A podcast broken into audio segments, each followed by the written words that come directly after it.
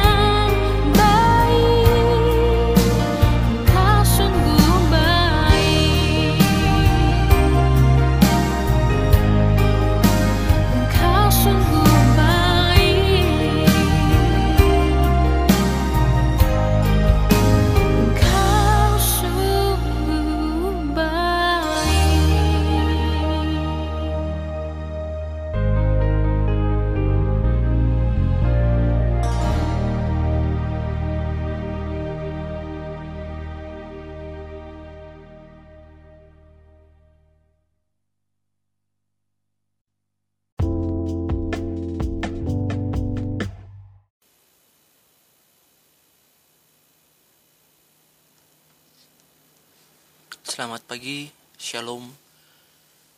Kembali kita berjumpa, jemaat Rehobot yang dikasihi Tuhan. Di mana pun jemaat berada, mungkin pagi ini ada yang sementara ke kantor, dan mungkin ada yang masih di rumah.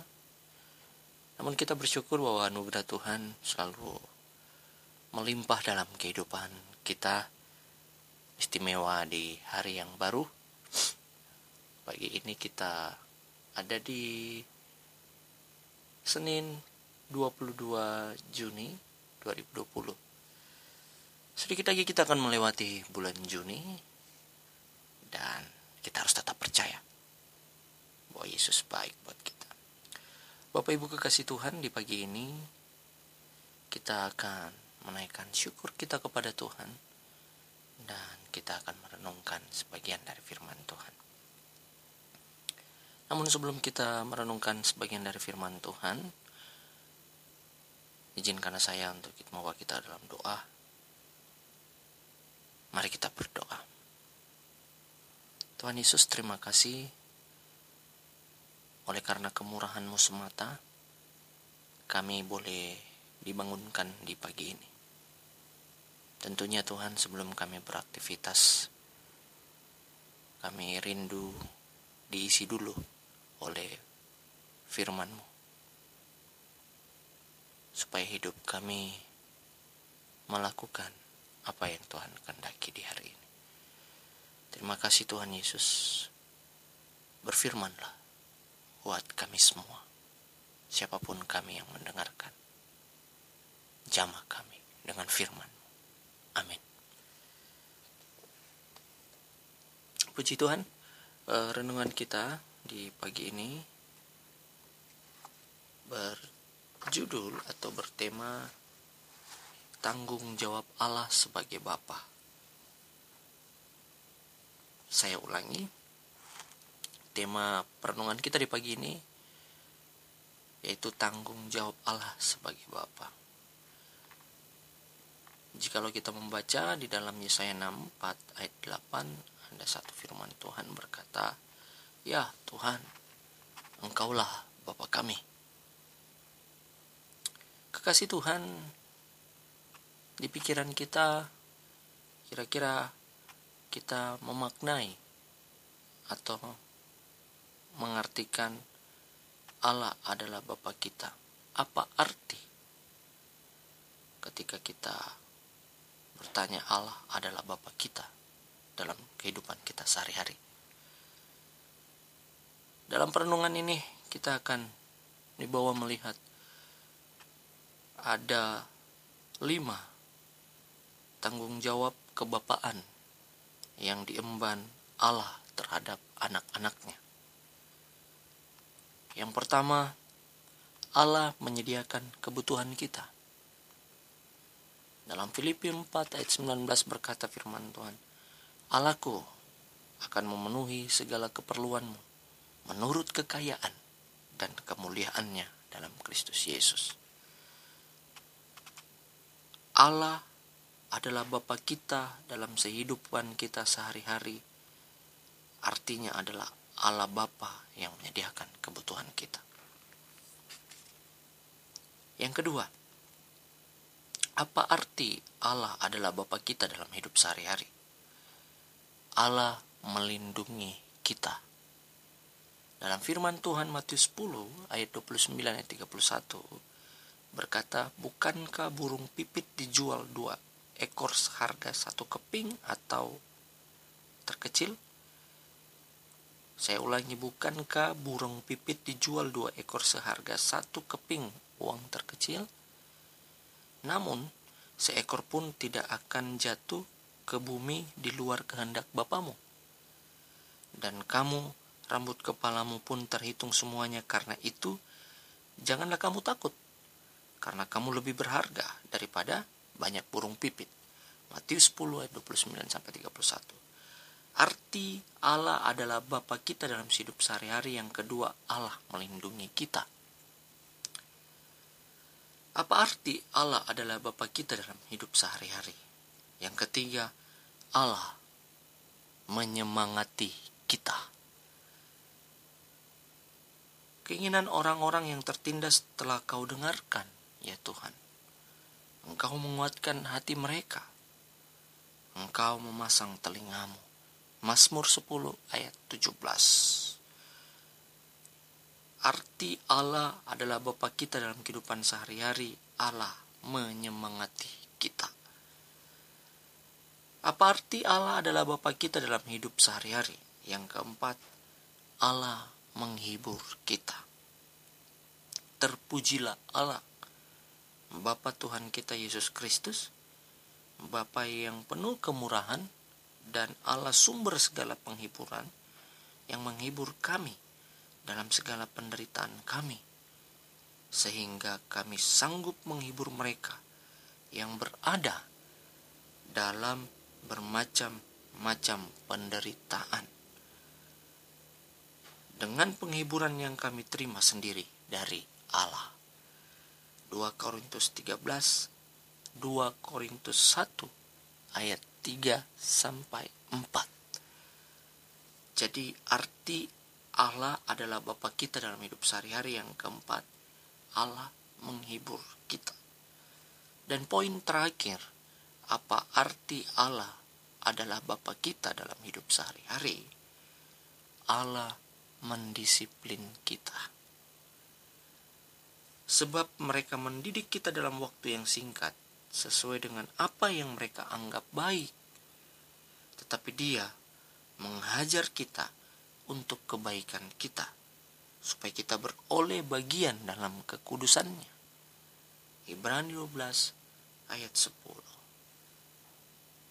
Kekasih Tuhan, sahabat pendengar, Sesungguhnya kita dapat bersaksi dari pengalaman kita sendiri bahwa ada kalanya Allah seperti tidak melakukan satupun dari hal-hal itu.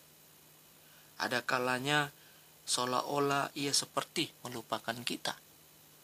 Pada saat-saat seperti itu, kita perlu memegang kuat janji seperti firman Tuhan berkata dalam Ibrani 13 ayat 5 aku sekali-kali tidak akan membiarkan engkau, dan aku sekali-kali tidak akan meninggalkan engkau.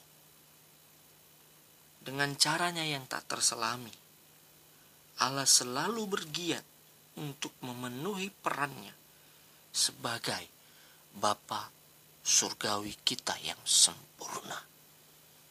Demikianlah perenungan firman Tuhan di pagi ini di bawah satu tema tanggung jawab Allah sebagai Bapa. Diberkatilah orang yang tidak hanya mendengarkan firman Allah, tetapi percaya, meyakini, dan melakukannya dalam kehidupan hari lepas hari. Kita berdoa. Ya Tuhan, Engkau Bapa kami, Bapa yang mengasihi kami, Bapa yang tidak pernah sekali-kali membiarkan kami, bahkan Bapa yang tidak pernah sekali-kali meninggalkan kami. Terima kasih, Engkau Bapa yang baik buat kami, Bapa yang sempurna. Kami bersyukur, ya Bapa di sorga buat firmanmu yang datang berbicara buat kami. Bahwa engkau Allah Bapa yang bertanggung jawab sepenuhnya atas kehidupan kami. Demi anakmu Yesus Kristus, kami berdoa.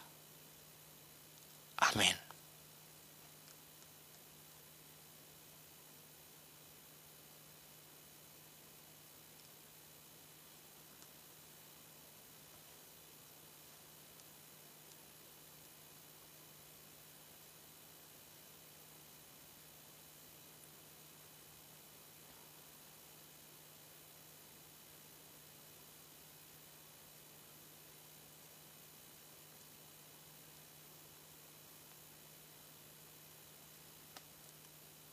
Puji Tuhan, saya percaya kita telah diberkati firman Tuhan. Pagi ini, Secara khusus kita akan berdoa. Tetap kita berdoa untuk penanganan COVID. Istimewanya di daerah Provinsi Papua. Kita akan khusus berdoa dan pagi ini juga kita akan khusus berdoa buat jemaat yang di dalam kelemahan tubuh atau proses kesembuhan. Mari saya mengajak kita mengarahkan hati kita kepada Tuhan dan kita bersatu di dalam doa.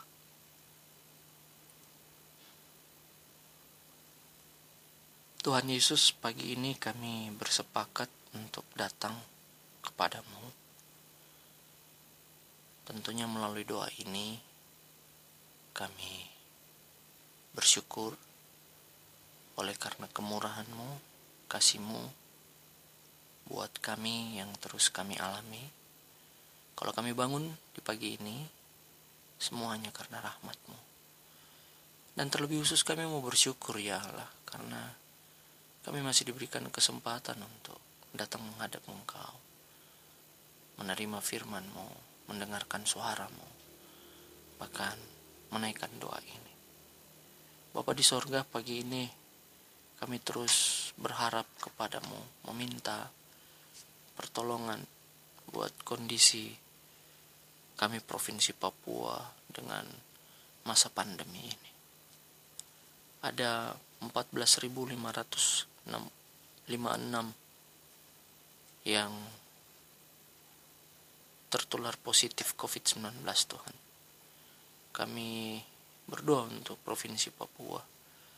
Ada dirawat 806 orang dan kami mau bersyukur ada sembuh 44 orang 44 persen dengan jumlah 634 jiwa ya Tuhan terima kasih buat bagaimana campur tanganmu mengerjakan kesembuhan ini dan kami juga berdoa buat ada 16 orang yang meninggal karena COVID-19 Tuhan kami berdoa buat orang yang ditinggalkan, keluarga-keluarga yang ditinggalkan. Biarlah Engkau yang menjadi penghiburan mereka, Tuhan Yesus. Namun di balik ini kami tetap berdoa untuk ada ODP 3347 dan PDP 236. Tuhan Yesus, kami hanya memiliki 45 rumah sakit terujukan di Provinsi Papua. Dan Tuhan tolong kami menyerahkan setiap provinsi dan kabupaten kota. Kota Jayapura ada total COVID-19 702 jiwa yang dirawat 503 dan puji Tuhan ada 190 sembuh Tuhan. Di Mimika 366, 95 yang dirawat dan 285, 265 Tuhan Yesus telah sembuh. Di Kabupaten Jayapura ada 175 totalnya dan 125 yang masih dirawat. Puji Tuhan ada 49 yang sembuh.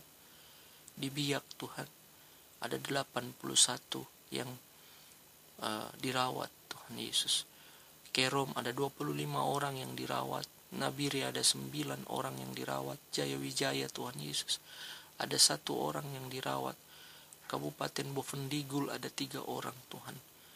Ada mm, tiga orang di Sarmi, Kepulauan Yapen ada tiga jiwa. Di Yalimo Tuhan Yesus ada dua. Dan di Waropen ada satu.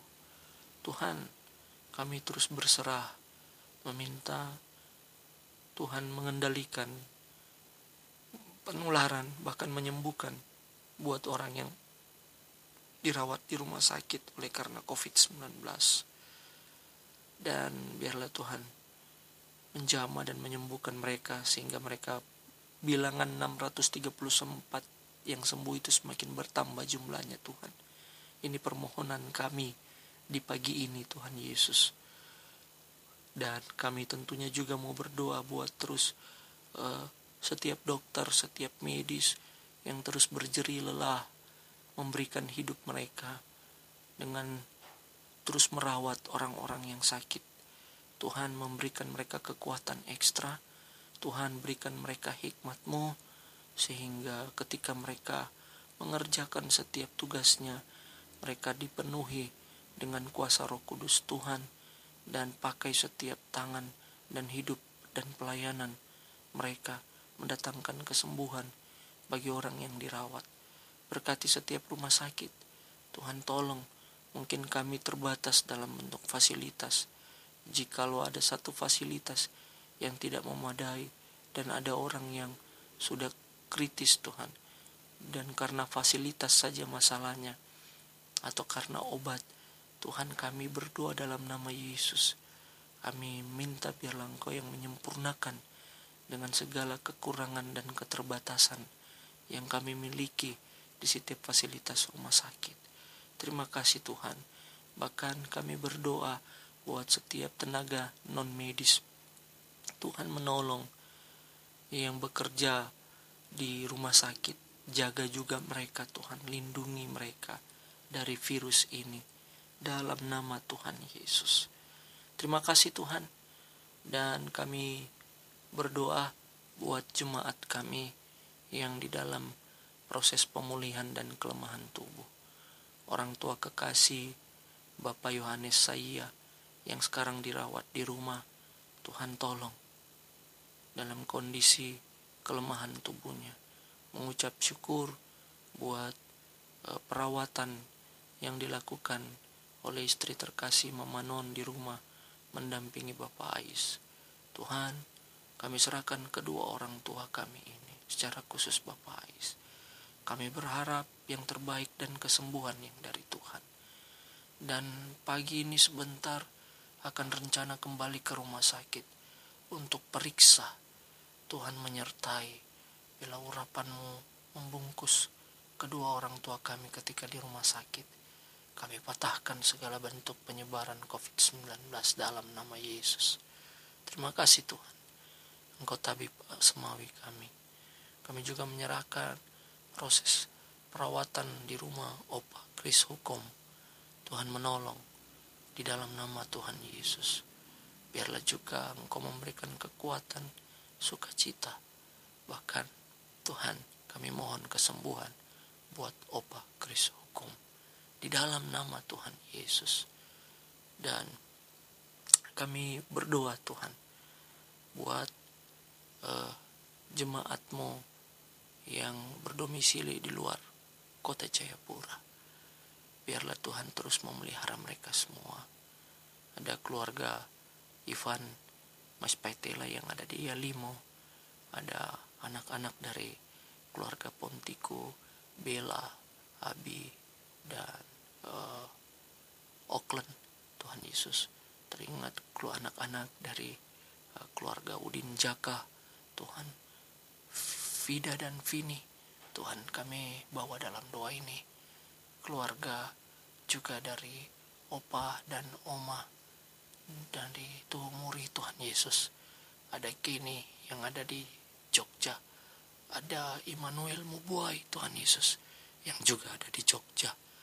Ada Iren Gosal yang ada di Salatiga, ada keluarga uh, almarhum Pendeta John Pai Mama Sin yang masih ada di uh, Jakarta dan keluarga Giri Kuniawan yang pelayanan di Jakarta.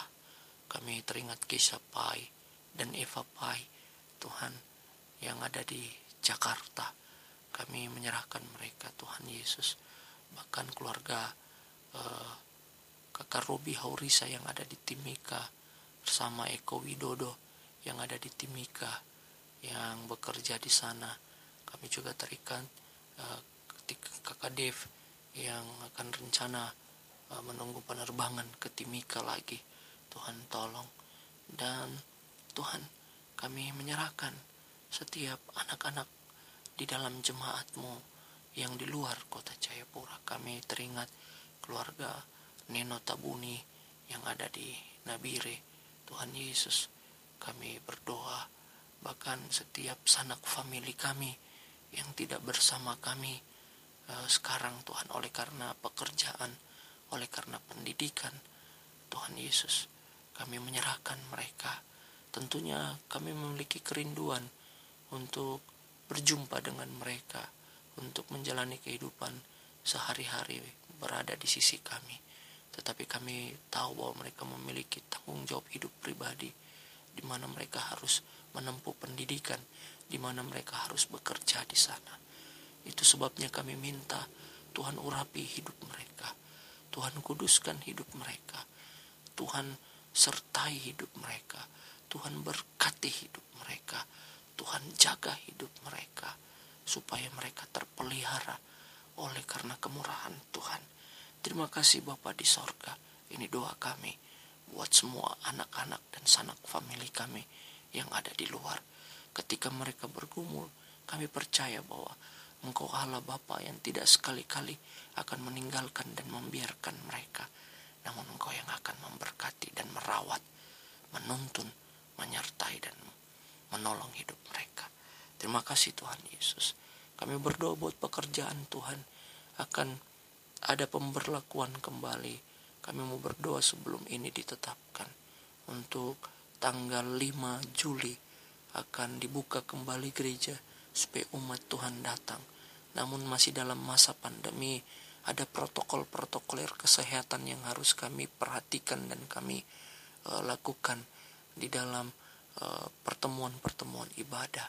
Tuhan berkati rencana pertemuan hari Rabu nanti oleh para gembala dan uh, tim Satgas Covid yang diwakili oleh Pak Dr. Silwanus Sumule untuk menyampaikan beberapa arahan untuk uh, pembukaan gereja diberlakukan kembali Tuhan untuk beribadah di dalam gedung gereja berkumpul bersama. Tuhan kami berdoa biarlah Engkau menyertai uh, rencana pertemuan ini. Engkau memberikan hikmat di dalam nama Tuhan Yesus. Dan kami terus menyerahkan Tuhan Yesus uh, ada keputusan dari pusat untuk semua rapat kerja daerah, rapat kerja wilayah, bahkan rapat kerja uh, nasional dan konferensi ditunda sehubungan dengan pandemi ini. Kami mohon hikmat Tuhan supaya biarlah kalau Tuhan kehendaki pandemi ini berlalu dan kami mengalami kembali uh, setiap pertemuan-pertemuan gereja Tuhan untuk melihat pekerjaan Tuhan dan tentunya kami mohon hikmat dari Tuhan. Tuhan Yesus terima kasih kami menyerahkan kehidupan kami sepanjang hari ini Tentunya hamba berdoa menyerahkan umatmu yang kau kasihi di dalam nama Tuhan Yesus. Jemaat Rehobot dari anak yang di dalam kandungan sampai orang tua yang sudah usia. Tuhan berkati hidup mereka. Dan melalui doa ini kami berdoa buat ibu-ibu hamil yang lagi menunggu untuk proses kelahiran. Berkati Ibu Stella hukum yang menunggu Tuhan menyertai dalam nama Yesus Kristus. Bahkan Ibu Angel juga Tuhan yang nanti bulan Juli akan uh, melewati proses kelahiran. Kami minta Tuhan yang berkati bungkus dengan kuasamu sehingga anak dan uh, ibunya boleh selamat di dalam kuasa Tuhan. Dalam nama Yesus. Segala wabah virus dan segala uh, Tuhan kami patahkan dalam nama Tuhan Yesus. Dan Tuhan berikan hikmat buat dokter yang merawat mereka dalam nama Tuhan Yesus. Terima kasih. Kami bersyukur Tuhan. Dan akhirnya biarlah kasih karunia Allah Bapa di dalam Kristus Yesus dan di dalam penyertaan Allah Roh Kudus menyertai umatmu sepanjang hari ini di dalam aktivitasnya. Haleluya. Amin.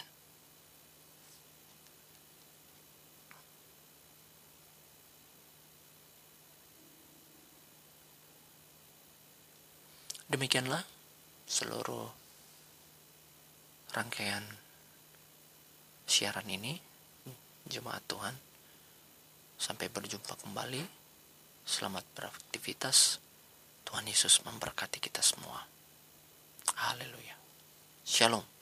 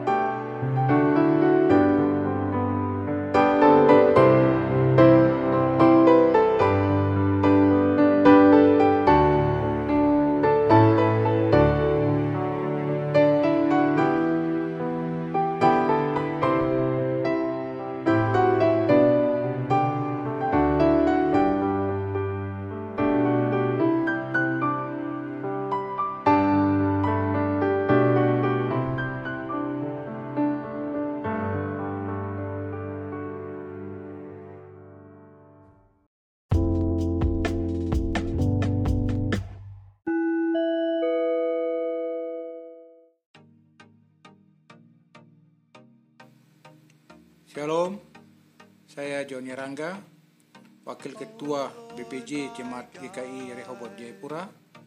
Terima kasih telah mendengarkan RAB Pastoral Misteri Podcast. Tuhan Yesus memberkati.